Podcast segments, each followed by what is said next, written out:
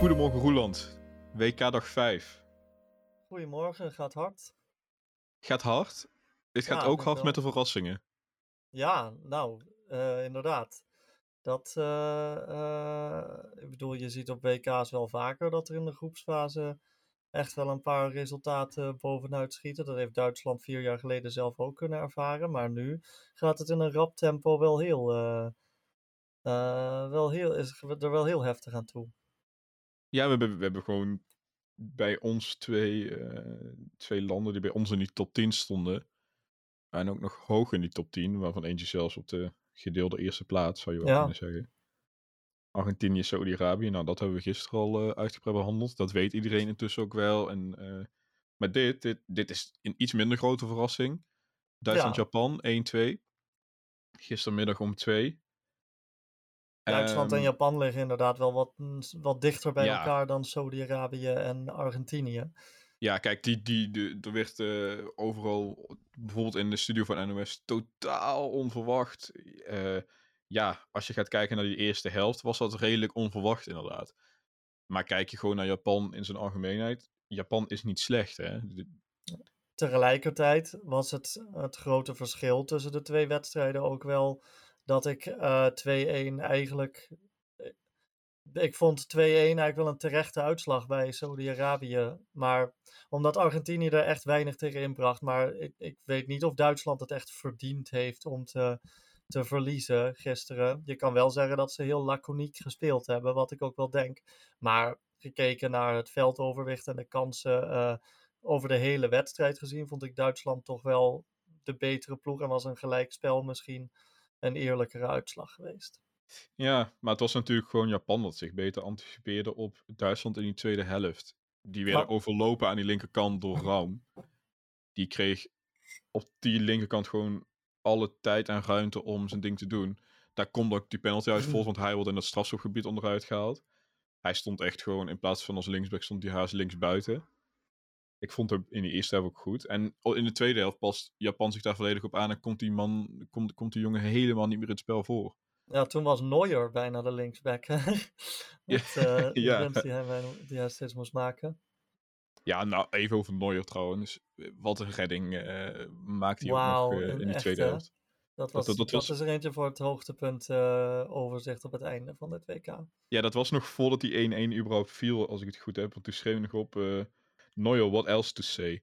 Ja, weet je, dan, dan, dan kun je, kun je nog zo goed zijn eh, als tegenstander en eh, voor open doel eh, schieten. Maar als we telkens weer toch Neuer ervoor lijkt. ik denk dat er niet veel keepers in de geschiedenis zo lang achter elkaar tot de beste keepers ter wereld gerekend zijn. Ik bedoel, die, die is al. Die was op het WK 2014 al onomstreden. En daarvoor had hij zich al, eh, al helemaal. eh, ja, als, als echt een waanzinnig goede keeper geprofileerd. Dus ehm, ja, het is, eh, het is echt wel wat. WK 2010 volgens mij zelfs al. Ja, en op het moment dat je hem ook in die laatste minuten mee naar voren ziet gaan, met eerst die vrije trap en daarna die hoekschop bij Duitsland, bij die 1-2 stand.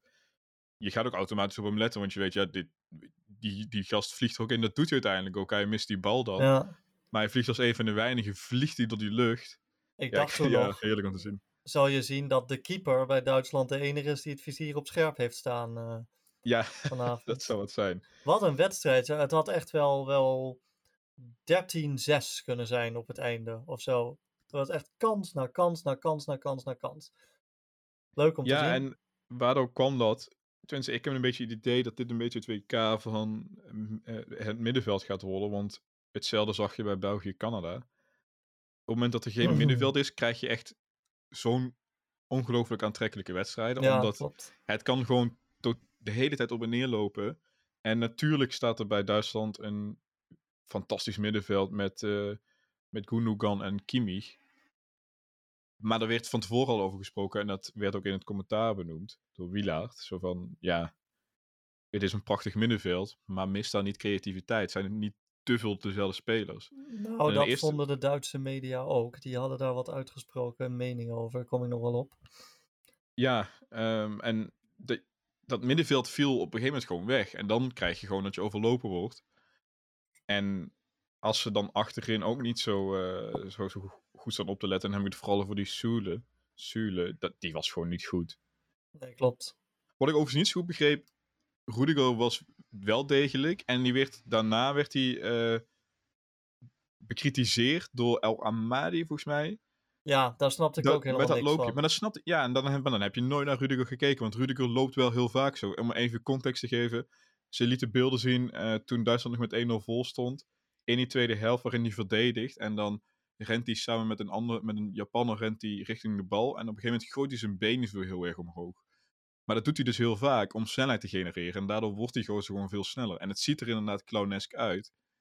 En het Ja, oogt... maar het werd door de NOS uitgelegd alsof hij, ehm, alsof hij eh, heel arrogant was. Van, oh, ik kan nu rare kunstjes doen, want wij zijn zoveel beter dan Japan of zo. Terwijl dat was echt niet wat er aan de hand was. nee, helemaal niet. Want dat, doet- dat doet hij dus heel vaak. En dat, dat werd heel... Bij, dat vond ik zo raar bij NOS. Totaal uit gewoon- zijn verband getrokken. Ja, toen had ik zoiets... Nou, oké. Maar goed, dat over Rudiger. Ehm, uiteindelijk zijn het dus de wissels die Japan eh, die wedstrijd eh, doen helpen winnen. Ja. Ja, ik, het zat er al gedurende de hele wedstrijd wel een beetje in. Want Duitsland bleef maar kansen missen. En Japan kwam er af en toe wel gevaarlijk uit. Maar ja, als het dan op een gegeven moment de 75ste minuut is, of zoiets, en het staat nog steeds 1-0, dan begin je toch wel te denken van, nou ja, misschien heeft Japan alle kansen die het ging krijgen nu wel verkwanseld. Maar dat, eh, eh, inderdaad, die wissels gaven een behoorlijke opleving. Ja, Leuk. en andersom deden dat de wissels voor, wissels voor Duitsland niet. Hè. Fulkroeg en eh Gutsen, die wisten niet te brengen wat, wat ze dan moesten gaan brengen. Ehm, Ja, en misschien is dat ook wel tekenend voor het niveau van Duitsland misschien. Dat je met zulke spelers niets ten, ten nadele. Ik bedoel, Fulkroeg is een van de topscorers op dit moment van de Bundesliga. Maar laten we eerlijk zijn, dat gaat hij ook niet volhouden. Nee. Hoe maar leuk ik en vind dat wel dat lastig om te zeggen. Want nogmaals, ik vond Duitsland wel de betere ploeg over de wedstrijd. En Ja, het is dat ze, dat ze onzorgvuldig waren in, in de afronding. Dat is sowieso wel een beetje een thema op dit WK. Ehm, en daarom verliezen ze die wedstrijd uiteindelijk. Maar ja, je kan toch ook niet met, met eh, goed fatsoen beweren dat Duitsland ja, ook geen pech heeft gehad gisteren. Want dat is gewoon wel zo.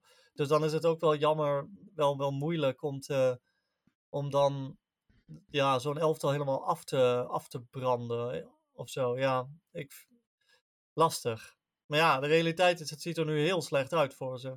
Het is echt... eh, Ja, gelijk eh, spelen of verliezen zondag tegen Spanje en je, en je bent klaar. Ja, in principe zou gelijkspelen nog wel kunnen, maar op doelsaldo gaat het Ja. sowieso niet meer redden. Dus, eh, eh, want daar heeft Spanje wel eh, aan ge- gewerkt gisteren, laten we het zo Ja. zeggen. Dus ze moeten eigenlijk winnen van Spanje, inderdaad. En eh, als je Costa Rica ziet, daar heb ik ook niet het idee dat Japan daar geen resultaat tegen gaat halen.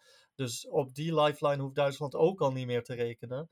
Het wordt echt ehm, alle zeilen bijzetten voor, voor Hansi Flick. Ja, en nou, we stappen zo nog wel naar Spanje. Ik denk nog steeds dat dat echt wel tot mogelijkheden behoort hoor. Ik denk echt niet dat die 7-0 tekenend is voor, eh, voor, de, voor de kansen van, eh, van Spanje op het wereldkampioenschap. Dat, dat idee heb ik, maar we komen zo nog wel op Spanje. Jij had eh, nog wat krantjes doorgespit in Duitsland. Ja, niet alleen krantjes. Ik heb zelfs een hele podcast-aflevering geluisterd. Ehm, Van wie? ik, ja, dat- is een semi-onafhankelijke podcast, maar die publiceren op ehm Bild. Eh, wat natuurlijk wel de eerste krant is waar je naartoe gaat als Duitsland verliest. Want die, ehm, laat ik zeggen, die zijn niet op hun mondje gevallen. Dus eh, die, die, die geven hun mening wel graag over dingen. En eh, ik heb ook de wat meer fatsoenlijke kranten eh, gecheckt. Maar volgens mij spreekt de Süddeutsche Zeitung Express zo weinig mogelijk over het WK in Qatar. En de Frankfurter Allgemeine was, ehm, ja, die was meer, daar, daarover heerste de teleurstelling. Ehm, maar dan op een, op een ja, ingetogen manier. Terwijl als je op sociale media kijkt, de, de analyses bij Sportschau en bij Beeld, dan Nou, mensen, ze, mensen krijgen natuurlijk meteen flashbacks naar het vorige WK. Toen het helemaal misging voor Duitsland. En ehm, eh, er, er komt deze keer wel een stuk meer zelfspot bij kijken. Omdat eh, ze nou het, er ook misschien op een bepaalde manier, hoeveel pijn het ook doet, er de humor van inzien. Ehm, maar nog steeds allemaal mensen die, ja, ze zijn gewoon een beetje radeloos. Ze, ze snappen het niet. Um, Duitsland in Schockstarre um, was volgens mij de, wat uh, Kikker, het voetbalblad, kopte. Dat vat de, de vibe wel goed samen. Duitsland was echt totaal in, in shock en ze, ze snapten het niet hoe dit, hoe dit heeft kunnen gebeuren. En werd er nog iets uh, bijzonders uh, gezegd over ja. Musiala? Ja, nou, zeker. Uh, er werden grote vraagtekens gesteld bij keuzes die um, Flick gemaakt heeft in deze wedstrijd. Met name het eruit halen van Musiala was een van de twee grote dingen waar het over ging. Um, zeker als je kijkt naar wat zijn vervangers brachten. Ja, dat is gewoon niet goed genoeg. En Musiala was misschien wel de gevaarlijkste man uh, op het veld. Al vond ik in de tweede helft Napri ook wel heel veel uh, gevaarlijke impulsen geven. Maar ze snapten er niks van dat Musiala eraf gehaald werd. Het kan ook niet dat hij dat qua fitheid niet aan zou kunnen of zo. Dus um, ja, er, werd, er was eigenlijk geen discussie over. Er, er werd gewoon unaniem werd, werd daar een beetje op afgefakkeld. Ik snapte dat ook niet tijdens de wedstrijd. Waarom, waarom haal je nou Musiala eraf? Um, want ik weet niet of ze toen al goals tegen hadden gekregen of dat dat daarna gebeurde. Maar hoe dan ook was het in een fase dat, dat je wel het idee had dat Duitsland eigenlijk nog een keer moest scoren. En um, om dan Musiala eraf te halen is, uh, dat was een zeer interessante keuze die ook totaal niet uitgepakt heeft. En het tweede thema waar het in de Duitse media heel veel over ging, was dat middenveld. Um, omdat ja, tegen Japan met twee echt wel controlerende middenvelders. Niks ten nadele van, uh, nou, met name Gundogan, die dan denk ik toch niet in de basis zou staan als ze dat zouden veranderen. Uh, de enige wissel waar ze namelijk wel positief over waren, was Goretzka, die toch wel een meer aanvallend ingestelde middenvelder is. En ook echt wel nog een beetje een, um, ja, nog een beetje wat vuur wist te brengen nadat hij in het veld stond. En uh, met, met grote verbazing en en met chagrijn in de ondertoon ook wel werd er uitgeroepen van ja, waarom staat die man niet vanaf het begin op het veld? We spelen niet tegen Brazilië of zo. Ja, dat is een. Uh, uh, de teneur was duidelijk. En al helemaal toen Spanje die wedstrijd met 7-0 won, toen, toen kopte beeld volgens mij Hansi, help. Want ze, de wanhoop begint een beetje te overheersen. Musiala werd in de 79e minuut gewisseld. Voor hem in de plaats kwam Gutsen. En op dat moment stond het 1-1. Oké, okay, ja. Nou ja, dat snap ik dus helemaal niet. En als PSV-fan ben ik groot liefhebber van Mario Gutsen. Maar uh, het is natuurlijk een totaal andere speler. Ja, dus, en het draaide uh, ook echt. Ja. Het draaide ook echt een beetje om Musiala heen, dat team. Hè? Het ja. ging echt. Musiala was het centrale punt. En dan, dan kan die jongen nog maar, nog maar 19 zijn, of misschien zelfs 18 ja, dat, dat haal, ja ik, ik, begreep het ook niet zo goed. Het was een beetje, ik, had, ik kreeg een beetje hetzelfde gevoel bij hem uh, en dat pakte heel goed uit. Als uh, bij Bellingham, bij Engeland. Daar draaide het ook echt om hem. En op die manier lijkt wel een beetje het toernooi van de hele jonge talenten te worden. En dat vind ik echt, echt heel erg leuk. Want ja, dat bij Musiala. En natuurlijk pak ik bij Musiala niet helemaal uit zoals je wil. Hij is wat druizig nog, maar dat komt wel.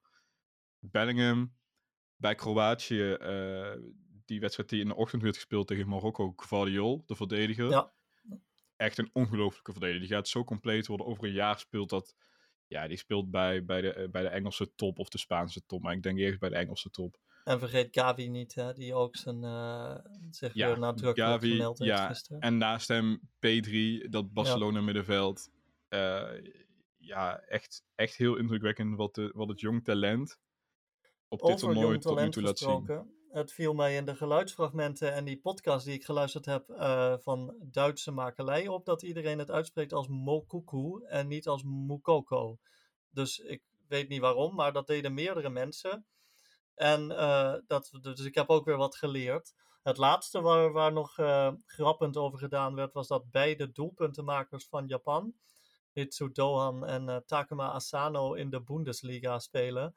En Asano zelfs bij Bochum, waar ze, nou, daar klonk wel een beetje schaamte in door. Van, oh, we hebben, we hebben verloren door een aanvaller van een van de allerslechtste teams uit de Bundesliga. Ja. Poolgenoot Spanje en poolgenoot Costa Rica. Dat was een wedstrijd. Daar kun je heel lang over napraten als je het alleen maar voor Spanje wilt hebben. Maar daar kun je ook heel snel overheen stappen. Want het was gewoon een 7-0. Een beetje vergelijkbaar met PSV voor een Dam in de Eredivisie. Dat was ook 7-0. Ja ik kan me verder weinig van die wedstrijd herinneren. En uh, ik denk dat ik deze ook best wel snel vergeten ben. Ondanks dat uh, prachtige doelpunt uh, van, van Gavi. In de 75e minuut. Ja. Laat ik het zo zeggen. Ik had wel verwacht dat Spanje zou winnen. Um, ik denk en, dat iedereen dat wel gepoeld had. Ja, dat het dan met, met 7-0 is. Dat zegt voor mij ook meer over... Um, Costa Rica dan over Spanje per hm. se. Natuurlijk, ik heb ook de Spaanse media um, uh, veelvuldig gelezen gisteren. Dat is toch ook leuk om uh, een, een, winnend land een beetje tot je te nemen. En ze waren natuurlijk uitzinnig over deze, over deze start. En ja, natuurlijk, dat mag ook. Ja. Er werd veel getwijfeld aan Luis Enrique vooraf. Maar, nou ja, alom geprezen. Um, uh, na, deze, na dit resultaat wat ze hier op de mat hebben gelegd. Dus hij heeft uh, zijn, uh, zijn gram wel gehaald. Maar wat mij opviel, waar eigenlijk heel veel media, van, van Marca tot de meer traditionele nou, nieuwskranten, eigenlijk het, het heel veel over hadden, was de invalbeurt van Alejandro Balde. Waar ze echt lyrisch over waren. Wat ik ook wel snap, want die deed echt heel goed. En dat is toch wel een bijzonder verhaal. Want hij zat eigenlijk niet bij de selectie tot twee dagen voor het toernooi. Toen uh, José Gaia um, ja, officieel geblesseerd afhaakte. Maar hij blijkt nou eigenlijk helemaal niet zo geblesseerd te zijn. Dus hij had misschien niet eens hoeven afhaken, wat best lullig is voor hem. Nou ja, toen hebben ze dus Alejandro Balde, die eigenlijk nog bij Barcelona B speelt. Hoewel hij wel al wedstrijden in het eerste van Barça heeft, uh, op zijn naam heeft staan. Voor de goede orde, hij is back, hè? Ja, klopt. Uh, ze hebben hem er op het laatste moment bijgehaald. En hij heeft dus zijn eerste interland gespeeld gisteren. Was zijn debuut. En nou, hij deed het echt fantastisch. Tuurlijk, het is maar tegen Costa Rica. Dat zeiden de Spaanse media ook allemaal. Niet meteen denken dat we wereldkampioen gaan worden. Want dit is echt een heel zwak Costa Rica waar we van gewonnen hebben. Maar, maar snelheid, overzicht, een, uh, een uh, trucje hier en daar. Hij heeft echt, uh, nou meer dan alleen zijn visitekaartje afgegeven. En dat is toch, ja, als je het dan over jonge spelers hebt, ook wel ontzettend leuk om te zien dat je dan zo je debuut mag maken en dat dan de kranten achteraf het ook heel erg over jou hebben. Ook al heb je misschien op het scoreformulier zelf niet eens heel erg je, je stempel op de wedstrijd gedrukt. Nou is het natuurlijk ook wel lekker invallen in een Spanje dat zulk goed positiespel speelt. Hè? Dat deden ze ja. op het EK vorig jaar al, anderhalf jaar terug dat, dat, ja, dat, dat oogt gewoon wel echt heel erg sterk. Het sterkste positiespel misschien wel van uh, alle, alle ploegen op de 2K tot nu toe. Tiki-taka spelen is ook wel heel makkelijk tegen een lam geslagen Costa Rica. Dat ja, leunt op een zeker. op vergane glorie. Maar laten we maar, wel wezen, ja. dit konden ze vorig jaar ook al op het EK. Ja. En toen waren ze eigenlijk ook sterker tegen Italië. Maar we moeten het niet over het EK gaan hebben. Um, nog een paar leuke cijfertjes over die wedstrijd. 7-0. Dat zijn zeven doelpunten al op dit WK en het WK van 2010. Scoren ze in totaal acht keer en werden ze wereldkampioen. Oh ja, klopt ja. Andere leuke cijfers dus, uh, of cijfers eigenlijk. Ferran Torres is de tweede speler geworden die op 29 februari geboren is en op een WK scoort. de ander is, uh, even kijken, Alenzo Mam Mami Mamikin van de Sovjet-Unie. Dat was in 1962. Dat is al een tijd geleden. Er is iemand anders die ook op, een schik, op diezelfde schrikkeldag geboren is en die ook op dit WK zou kunnen gaan scoren en best wel een mogelijkheid heeft. Dat is uh, Lindström. Lindström, de Deen. Ja, oké. Okay. Uh, eh, van Pool B, zeggen we dat goed? Denemarken zit in Pool D. Pool D. Ja, met Frankrijk, Australië. En nou, ja, die, die kans bestaat ook nog best wel dat hij het ook nog voor elkaar gaat krijgen. Oh, dat zou wel grappig zijn. Volgens Dat mij zijn- is Gavi toch ook de jongste doelpuntenmaker sinds Pelé geworden. eh, met die goal. Zou goed kunnen, ik heb dat niet per se opgeschreven, maar Ja, ik geloof je, wel. geloof je direct. En we Misschien hebben moeten we dat morgen even rectificeren, maar Ja. ik geloof je wel. Volgens mij klopt dat. En we hebben gisteren ook in Giroud de oudste WK-doelpuntenmaker sinds Roger Mila gezien. Dus ehm, eh, die records worden in elk geval eh, aangetikt. En het is volgens mij ook de grootste WK-zege van Spanje ooit. En de grootste nederlaag überhaupt van Costa Rica. ehm, die is geëvenaard hierdoor. Dus het was wel een, eh, een ehm, aardverschuiving, om het maar zo te zeggen. Dan de pool van België. Laten we even beginnen met de wedstrijd die in de ochtend werd gespeeld om 11 uur. Marokko-Kroatië. Ik verwachtte daar heel erg veel van. Ik verwacht een hele leuke wedstrijd. En dat was prima.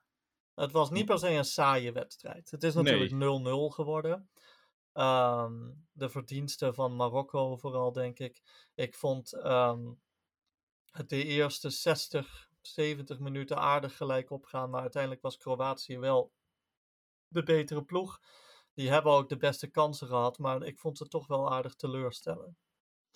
Ja, dat ben ik wel met je eens. Ik had echt wel eh, meer stootkracht eh, verwacht van dit Kroatië. Het is opvallend. Ik had het over de keeper, de, de, sorry, de spitsenpositie bij Kroatië vooraf. En ehm, dat dat vooral tussen Budimir en Livaja ging. Nou, Dalic had heel lang vastgehouden aan Budimir van Osasuna. Dus ik had hem eigenlijk in de spits verwacht. Maar ja, hij kreeg er wel heel veel kritiek op. Nu stond Kramaric daar opeens. Dacht ik ook van, hmm, ik weet niet of dat nou de, de, de beste oplossing voor dat eh spitsenprobleem is. En uiteindelijk was dus niet Budimir, maar Livaja, toch wel een publiekslieveling in Kroatië, degene die hem ehm, verving. Want Kramaric was totaal onzichtbaar in die hele wedstrijd. Heeft echt helemaal niks zinnigs kunnen doen. En ehm eh, Livaja uiteindelijk ook niet. Dus eh, het is wel een groot probleem eh, voor Kroatië daarvoor in. Nou stond er ook wel echt een, bijna een Dyson op het veld als je over stofzuigers hebt. Ja, Zo omschreef eh, VI hem ook als echt de stofzuiger op het veld Amrabat. Sofian Amrabat. Ja. Ja, wat, een- wat, wat, ik, dat gun je, ik weet niet waarom, maar die heeft totaal die gunfactor voor mij. Dat kan zijn Ja, omdat hij in Nederland heeft wel. gevoetbald. En omdat zijn broer Nordin ook zo'n eh, zo'n te gekke gozer is. Ja, die speelde op het vorige WK nog met een eh, zware hersenschudding. Het kan echt niet, maar die, die, die wilde het hele WK nog spelen als hij had gekund. ja, Terwijl het niet kon. Hij moest tegen zichzelf beschermd worden. En van die Soufian, zijn broertje, krijg je een beetje hetzelfde gevoel. Hè? Echt vol ervoor gaan. En, maar, die- maar hij kan, Soufian in dit geval, kan ook echt goed voetballen. Ja, ja, het was mooi om te zien. Ik vond dat. ehm, ik, Marokko speelde wel een beetje zoals ik verwacht had dat ze zouden spelen. En ik vind het ook wel hun verdienste dat ze er een punt uit hebben gesleept. Want Kroatië is eigenlijk totaal niet aan zijn spel toegekomen. Je zou kunnen zeggen dat Modric nog steeds wel de beste man op het veld was. En hij zorgde ook wel voor het meeste aanvallende gevaar. Maar tegelijkertijd liet hij zich ook verleiden tot opvallend veel overtredingen. Ehm, wat ook wel voor mij de frustratie die, die eigenlijk werd opgewekt bij Kroatië wel, wel goed samenvatte. Ehm, en je zegt bij Marokko dat aan de ene kant is het mooi dat Ziyech toch echt wel meteen heel belangrijk is voor die ploeg. Want hij is een, belangrijk aanspeelpunt. Hij maakt belangrijke acties. Aan de andere kant was dat ook een nadeel, want de motor was wel echt helemaal leeg bij, bij Ziyech na 70 minuten. En toen, eh, toen droogde het gevaar bij Marokko ook wel op. Ik vond het wel weer heerlijk om Ziyech te zien voetballen. Hè? Eh, die bal aan de voetjes krijgen, tien keer balverlies leiden, tien keer zoals we weer kon die bal terug te krijgen. Bij hem erger ik me er ook niet aan als hij die bal kwijtraakt, want dat hoort gewoon bij zijn spel. Dat hoort, dat risico bouw je in als je met Ziyech speelt. Eh, dat mis je wel heel erg bij, eh, bij Ajax. Ja, En dat werd hem na de wedstrijd ook nog gevraagd. Hè? Gaan we jou nog terugzien op de Nederlandse velden? Hij zei geen nee. Maar goed. Misschien moeten we niet heel veel langer over deze wedstrijd praten, want het was gewoon prima. Eh, ik wil alleen nog even noemen dat ik het ontzettend sneu vind voor Masraoui. Ik hoop dat dat meevalt. Ja, wel een beetje een raar moment eigenlijk, hè? Ja, maar dat is toch wel Masraoui op de meest onlogische manieren geblesseerd raken. Ja, Door eh, drie maanden uitleggen omdat je in je oog geprikt bent met een vinger. En dat... wat? nu ook Ja. weer zo- zo'n blessure dat je denkt, maar wat gebeurt er dan? Waar heb je last van? Eh, ja, maar het blijft wel gewoon sneu. Ja, ik hoop dat En ik wil- gaan spelen. Ik wil iedereen even wijzen op eh, het stuk in Trouw over Modric. Ehm, hoe hij is opgegroeid, zesjarig jongetje in een onafhankelijkheidsoorlog. Waar zijn opa werd eh, neergeschoten. Ze toen moesten vluchten. En eigenlijk wegging uit de bergen. In een gebied terecht kwam waar hij waar die met zijn familie heen gevlucht was. Waar het wel vlak was en waar hij kon gaan voetballen. En daar start zijn voetbalcarrière. Oh, dat eigenlijk. wist ik niet eens. Ja, je moet, eh, je moet dat stuk ergens opzoeken. eh, en, en eigenlijk heel trouw dit WK aan de gaten houden. Want, en het is geen ad of iets dergelijks dit. Konden we maar ads doen. Maar, ehm, trouw maakt echt hele goede journalistiek eh, dit WK.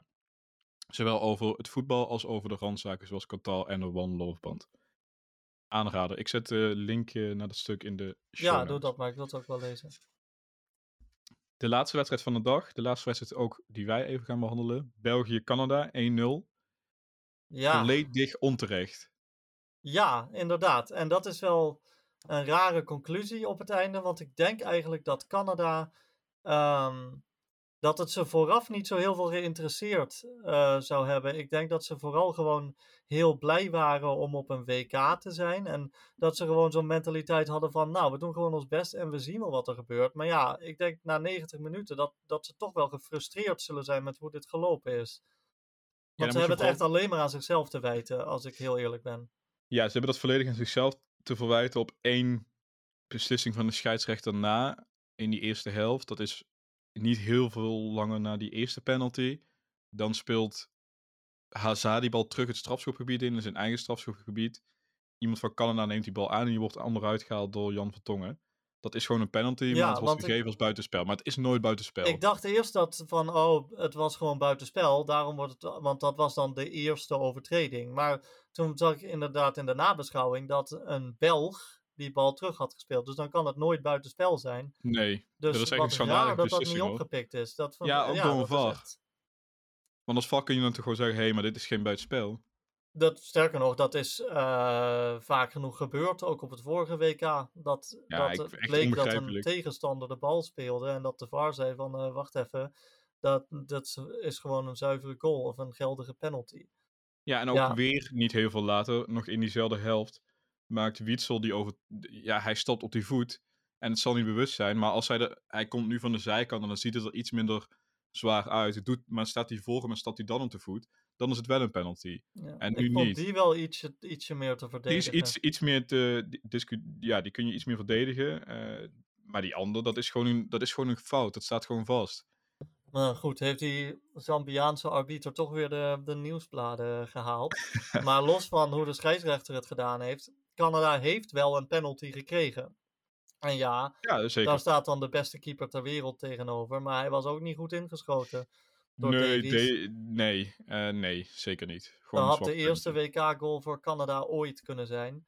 En ehm, Canada heeft nog veel meer kansen gemist. En nog veel vaker dan dat zelfs ehm, gewoon de laatste paas steeds niet goed gegeven. Volgens mij hebben Ja. ze 15% van hun pogingen he- was maar tussen de palen. Ja, sorry. Als je dan ook nog een keertje niet goed oplet bij een lange bal van Vertongen. En Batshuayi, die dus Haaland is als hij voor België speelt, ehm, kan vertrekken en die bal erin kan rossen. Dan kan ik toch, ja, hoe leuk ik Canada ook vond, dan kan ik toch niet anders dan zeggen. ehm, dit is een totaal onterechte uitslag, maar het is jullie eigen schuld eigenlijk. Ja, het was alsof, een soort, alsof ze een soort oogkleppen op hadden. Zoals een paard dat heeft. En echt gewoon alleen maar naar vooruit konden kijken. Want je had Ja. zo vaak die bal terug kunnen leggen op de rand 16. Eh, of in ieder geval in de 16. En dan is het gewoon schieten en uithalen of intikken. Dat deden ze echt geen enkele keer. En dat, Ja. ja. dat is echt doodzonde. Want je had ook gewoon net zo goed met 0-3 voor kunnen staan in die eerste helft. Precies, En en, het is extra zonde. Want ik hoor heel veel mensen nou zeggen van ja, maar als ze tegen België al zo spelen, dan, eh, dan maken ze echt nog wel een goede kans in deze pool. En dat is natuurlijk ook wel zo. Maar ik heb gisteren Marokko en Kroatië zien spelen. En ik ben er eigenlijk niet van overtuigd dat die echt ook maar iets onderdoen voor België. Nee, qua, sterker eh, nog. kwaliteit. Misschien zijn dat op dit moment de twee Misschien, favorieten voor ja, misschien was dit wel de beste kans die Canada ging krijgen om eh, drie punten te pakken. Ja, en dan dat denk het ik ook echt wel. heel erg laten liggen. Wat- Plus als Canada tegen Kroatië ook zo speelt, dan worden ze naar de slagbank geleid. Want dat is precies wat Kroatië wil natuurlijk. En dat is ook precies waarom Marokko niet zo speelde tegen Kroatië. Dus um, ik moet het ja, nog maar zien. Marokko en Kroatië spelen wel met het middenveld. Hè? En dat deed België deze wedstrijd gewoon niet. En dat was weer net zoals wat ik net al bij uh, Duitsland-Japan al benoemde. Weer zo'n ding op dit WK. Dat was bij Argentinië ook. Er was geen middenveld. En dan heb je gewoon, dan ontstaat er zoveel ruimte op dat veld. En dat, dan wordt het gewoon echt heel leuk om naar te kijken. Ja, ja het was een fantastisch spektakel. Ja, dat, was echt, het ging zo op en neer. En Davies kreeg in best wel veel uh, blaadjes en dergelijke het laagste cijfer van alle Canadese spelers. Maar dat vond ik persoonlijk echt, dat, dat begreep ik niet. Want heb ik echt, misschien speelde hij niet het allerbest, dat kan zo, maar ik heb er wel het meest van genoten. Want wat, zat er, wat zat daar een drive in? Maar ik had wel, het is toch wel, het zegt wel iets over Courtois dat toen Davies aanlegde voor die penalty, ik eigenlijk 90% zeker wist dat Courtois hem tegen ging houden. Uh, dat is wel echt nog een heel belangrijk wapen wat België gewoon, nou, keiharde punten oplevert. En dat, dat moeten ze echt wel koesteren. Ja, zeker. Uh, want verder heb je gewoon niet zoveel om te koesteren. Ik zou ook helemaal gek worden als, uh, als ik België-fan zou zijn geweest. Van die conservatieve Martinez. Want hoe kun je nou ook gewoon niet Wout Vaas opstellen? Jongen die op dit moment een van de beste Premier League verdedigers is. Daar bewierookt wordt. Leicester uit de slop heeft getrokken als verdediger zijnde. En dan alsnog met Den Donker, Jan Vertongen en Alderwereld. Ik weet niet waarom ik de hele tijd Jan erbij zeg. Uh, Den Donker, Vertongen en Alderwereld. Ja. Uh, gewoon het vel betreedt. Wat gewoon echt niet meer kan. Want ze worden overal overlopen, ze zijn veel te sloom. Ze, ze hebben er geen draaicirkel meer ja, dat, dat, ik begrijp dat echt niet. En dan ook nog Hazard opstellen. Die krijgt één keer die bal met zo'n mooi mee. Dat is puur geluk. Vervolgens komt Trossard erin in de, rond de 65 minuten of zo. Ja, in ieder geval rond die tijd. En die laat gelijk zien waarom hij basis moet staan. Die is veel en veel meer in vorm en veel beter. Dat zou voor de meeste coaches ook een no-brainer zijn. Ja. Om Trossard dan neer te zetten. Hazard is al drie à vier jaar niet meer in vorm. Die kan al drie à vier jaar niet meer mee. En natuurlijk schuilt er nog steeds die briljante voetballer in. Maar het, gaat er gewoon niet meer, het komt er niet meer uit, het gaat er niet meer uitkomen. Ik vind België echt wel een sympathiek elftal. En ik gun ze ook echt nog wel wat op een bepaalde manier. Maar ik word dan wel een beetje moe van die Belgen die dan uh, achteraf zeggen van ja, uh, ze mogen ons niet bekritiseren in Nederland. Want zij hebben tegen Senegal ook zo'n typische toernooioverwinning behaald. Ik denk van nou, dat was toch wel een ander soort wedstrijd hoor. Kijk, en natuurlijk, je moet niets baseren op die eerste wedstrijd in een poolfase, op een eindtoernooi. Ben ik het echt volledig mee eens. Maar in het geval van België moet je dat wel, denk ik. Want dit was gewoon echt, echt zwaar ondermaat. Als zelfs je beste spelers een, een van zijn slechtste wedstrijden ooit speelt, Kevin De Bruyne. Ja. Die. Ja, wat, wat moet je dan? Die, die ik, ik verwacht helemaal niks meer van dat hij hem niet aan Tielemans gaf. Ja, naar de rechterkant. dat is toch een totaal onkarakteristiek voor de Bruine. Die gewoon het inzicht van een havik heeft, normaal gesproken. Ja, ja die, die, dat, dat zei de commentator ook, hè. En daar gaat uh, Hazard of uh, Kevin de Bruyne scannen. Ja, dat deed hij, maar zonder einddoel. Ik ben heel benieuwd waar het schip gaat stranden voor België. Ja, het, zou, het verbaast toch niet op het moment dat zij gewoon verliezen van Marokko en Kroatië. En gewoon... Nee, dat zou niet raar zijn eruit vliegen met een derde plaats. En met een beetje pech pakt Canada ook nog eerst puntje. Misschien wordt je zelfs nog uh, laatste. Ja, ik zal me daar niet over verbazen. Het was gewoon echt zwaar ondermaat. En je komt gewoon goed weg tegen dit Canada eigenlijk. Laten we nog snel even door de um, niet zozeer voetbaldingen heen lopen voordat we gaan vooruitblikken. Ja, even die manschaft. Ja, volgens mij willen ze van die bijnaam af. Daarom zeg ik het, uh, daarom hou ik er de hele tijd in. Ja, daar willen ze niet meer mee geassocieerd worden. Wil het team um, niet ehm, te veel uh, de, de Volgens mij wil de DFB dat niet. Het heeft een iets te militaristisch karakter ook wel. Dus, uh, hmm. en dat, sta, dat staat slecht bij Duitsland. Um, dus wat dat betreft wel een historisch beladen wedstrijd natuurlijk. Hè? Duitsland tegen Japan. En voorafgaand aan die wedstrijd maakten de Duitsers dat gebaar met um, hun handen voor de mond op de teamfoto. Ze hebben ook regenboogmotieven in hun trainingstenues verwerkt. Um, ja, dat uh, uh, is eigenlijk het eerste echt grote georganiseerde statement wat, uh, wat op dit toernooi gemaakt wordt. Het verbaast mij helemaal niks dat het vanuit Duitsland komt. Want dat is daar ook het perfecte, perfecte team voor. Wat vond je eigenlijk qua, qua, ja, qua impact of qua kracht van het statement zelf? Laat ik vooropstellen dat maar weer blijkt dat Duitsland in wat betreft normen en waarden mijlenveer vol op de rest. En onder meer, vooral, nou ja, dan kijk ik gewoon even naar onszelf, naar Nederland.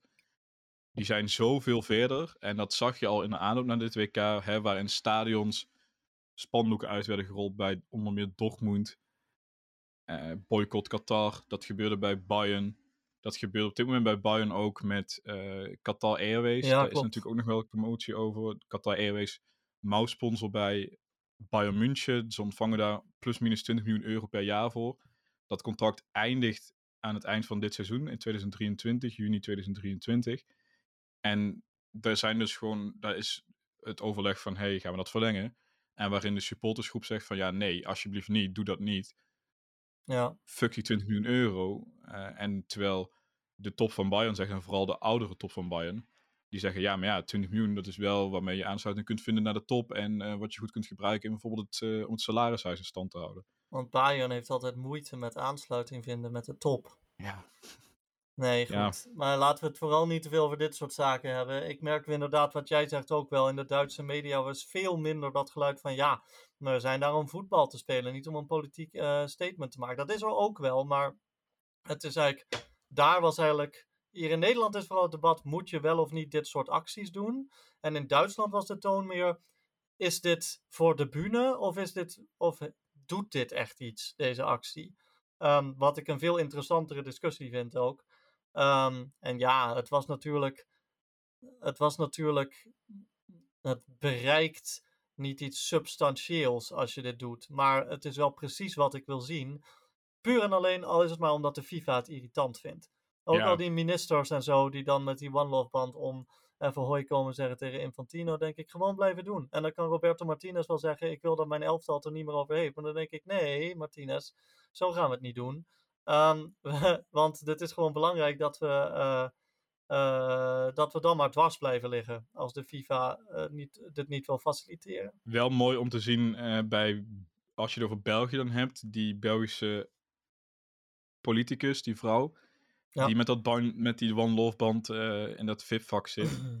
naar Infantino loopt en zo wijst. En nou ja, ze praten wat.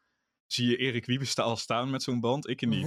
nee, zeker nee, niet. Nee, um, 100% niet. En, uh, vond, ik sterk, vond ik ook sterk. En dat, dat, je moet hem gewoon tegen de schenen aan blijven schoppen. Net zolang tot het die scheenbeschermertjes om gaat doen. Ja, en voor Nederland en dan nog harder blijven trappen. Ja. Want wij spelen tegen Qatar in de laatste wedstrijd. Dat, sorry, maar ik vind eigenlijk dat we bijna aan onze stand verplicht zijn om er iets mee te doen. Dus hopelijk inspireert Duitsland ons wat dat betreft een beetje. Ja, zo heb ik er helemaal niet over nagedacht. Inderdaad, je speelt die laatste wedstrijd tegen Qatar. Normaal gesproken ga je er met zes punten heen. Ja. Als je morgen gewoon wint van uh, Ecuador, heb je niet zo heel veel meer te verliezen wat dat betreft.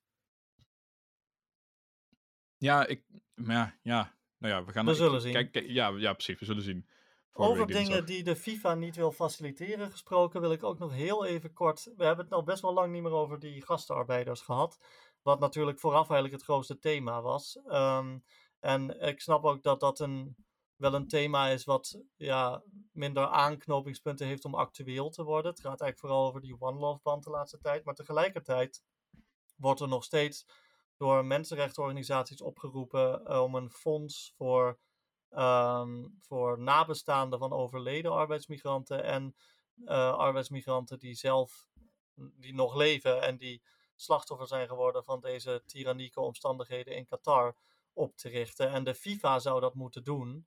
Um, maar ja, omdat de FIFA al vanaf het begin weigert om ook maar enige vorm van compensatie te geven aan die mensen, um, hebben inmiddels al verschillende organisaties zelf op kleine schaal fondsen opgericht die dat dan moeten bereiken. Maar het, het irriteert mij to no end hoe de FIFA dat dan nu gebruikt om eigenlijk te suggereren dat zo'n fonds niet meer nodig is. Want elke keer dat het daarover gaat, of het nou Infantino is of andere vertegenwoordigers van de FIFA of de Qatarese overheid, die zeggen nou opeens van ja, maar dat hoeft toch helemaal niet, want die fondsen bestaan al. En te zeggen, ja, lieve schat, maar die fondsen kosten geld om te runnen en jullie hebben deze rotzooi gecreëerd, dus jullie zouden ervoor op moeten draaien. Dat is waarom we aan jullie vragen om zo'n fonds op te richten. Dus zij zijn totaal on, niet geïnteresseerd om hier, uh, om ook maar enige vorm van compensatie te geven aan mensen die slachtoffer van hun beleid geworden zijn. Daardoor hebben mensen gezegd van, nou ja, oké, we vinden het toch wel belangrijk, dus dan betalen wij er wel voor dat dat op enige schaal kan gebeuren. En daarom gaat de FIFA nou lopen zeggen van, ja, maar dat uh, hoeven wij toch helemaal niet te doen, want die fondsen bestaan toch al. Echt, wat een schijnheilig gelul. Um, dus mocht je je afvragen wat de situatie met die compensatiefondsen is, um, het is het soort situatie waardoor je met je hoofd tegen een muur aan wil slaan voor uh, een minuut. Want het is typisch, typisch van dat hypocriete FIFA-gezeik. Het is ook goed dat je het vermeldt, want ik heb het idee dat ik persoonlijk zie dat eigenlijk bijna niet meer voorbij komen, die hele situatie. Ja, ik heb er ook specifiek op gezocht. Uh, ja, je moet er echt op gaan. Nou ja, ja, dat omschrijft best wel wat uh, hoe dat zit. Je moet er naar zoeken om erover geïnformeerd te raken. Want het, zal, het gaat in geen enkel programma, podcast, krant, op voorpagina's of iets dergelijks gaat het nog over die situatie. Het gaat voornamelijk over die One Love Band. Prima, terecht. En ook daar aandacht voor blijven houden. Maar je merkt wel dat andere dingen wat ondergesneeuwd raken. Goed, um, laten we afsluiten met even te kijken naar de rest van deze dag. Over een uh, klein uurtje trappen we af met Zwitserland-Cameroen. Ja, daar zou ik normaal gesproken van zeggen dat wordt een uh, makkelijke wedstrijd voor Zwitserland. Maar uh, dit is wel een toernooi waarop Europese subtoppers zoals Denemarken en Kroatië en ook Polen het echt wel zwaar hebben. Uh, Zwitserland heeft vlak voor het toernooi een vriendschappelijke wedstrijd van Ghana verloren met 2-0. Best wel afgetekend ook. En um, uh, we hebben natuurlijk Saudi-Arabië en Japan al zien stunten. Dus eh, het, opeens zit ik zo van, nou, Cameroen, uh, laten zien, laten zien wat je kan.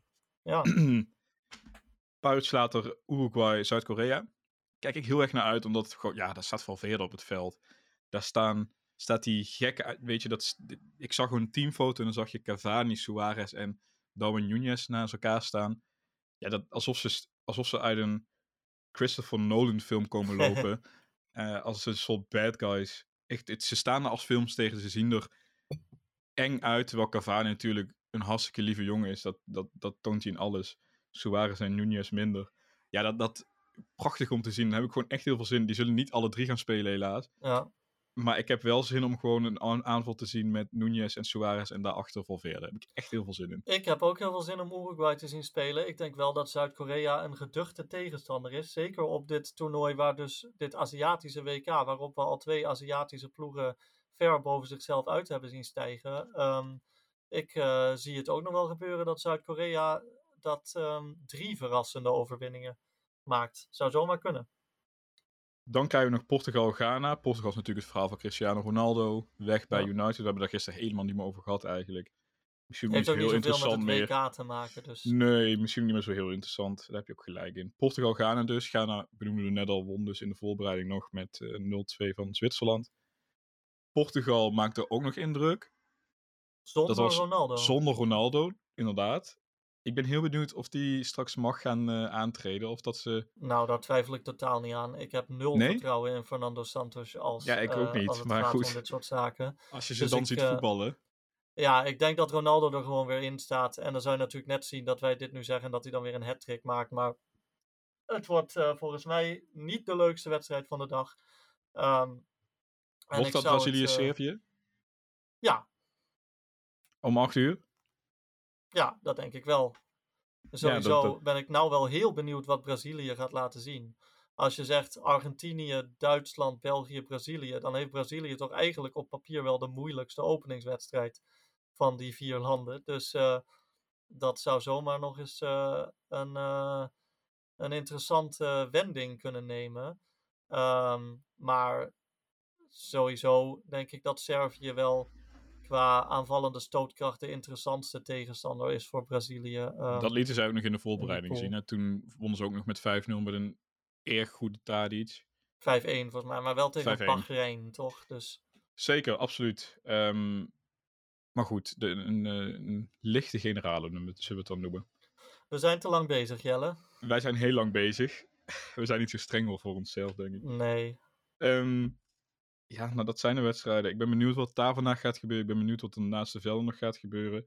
Want er gaat ook weer 100% iets gebeuren. Laten we morgen, dan hebben we alle teams in actie gezien. En dan, laten we dan even kijken wie we denken dat er wereldkampioen gaat worden. Ja, daar kun je wel een beetje een, eh, een optelsom gaan maken. En dan eh, even kijken wie maakt er nou de meeste indruk. Wie het minste, wie viel er tegen. En ook wat, welke spelers vallen erop. We hebben er al een aantal genoemd. Musiala, Bellingham en dergelijke. Ja. Maar er zijn er vandaag ook nog wel een aantal die het veld gaan betreden. En eh, Nou, klinkt leuk. interessant zijn om in de gaten te houden. Veel plezier met kijken vandaag. Jij, jij ook als Jij ook. luisteraar. Dankjewel en eh, tot morgen. Joep.